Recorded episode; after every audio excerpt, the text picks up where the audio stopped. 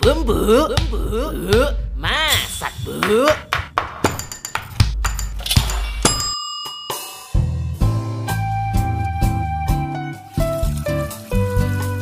Ibu-ibu, ketemu lagi sama Mas Yono di Bumbu. Bu, masak bu. Dan hari ini Mas Yono punya tiga tips cerdas menyimpan sayuran agar lebih tahan lama dan tetap segar.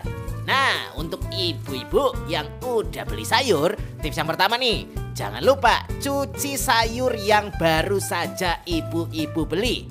Jika semua sayur yang dibutuhkan sudah ibu dapatkan, maka jangan lupa untuk mencucinya sesuai dengan jenisnya. Seperti misalkan kelompok sayur hijau dan untuk sayur lainnya seperti labu siam, wortel, lobak, terong, sawi putih dan sebagainya dicucilah satu persatu agar benar-benar bersih. Sedangkan untuk sayuran yang mudah lembek seperti oyong, maka sebaiknya cukup mencucinya sebanyak dua kali saja. Dan jangan lupa sayur yang sudah dicuci jangan langsung disimpan melainkan ditiriskan terlebih dahulu. Dan tips yang kedua, jangan menyimpan sayur yang sudah dipotong.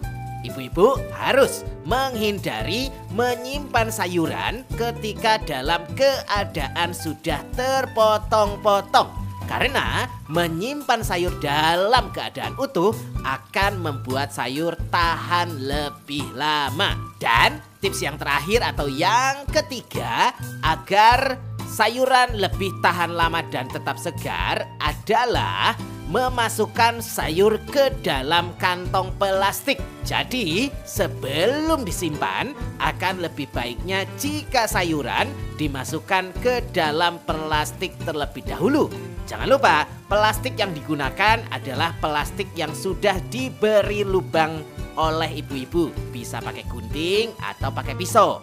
Menyimpan ke dalam plastik berlubang adalah salah satu cara yang bisa ibu-ibu lakukan.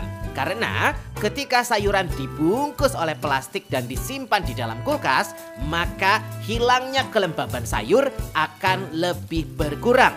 Jika disimpan tanpa dimasukkan ke dalam plastik, maka sayuran akan lebih mudah kering. Itu dia tiga tips dari Mas Yono untuk ibu-ibu yang ingin menyimpan sayuran agar lebih tahan lama dan tetap segar untuk bumbu bu masak bu. Bumbu, bumbu, bu, masak bu.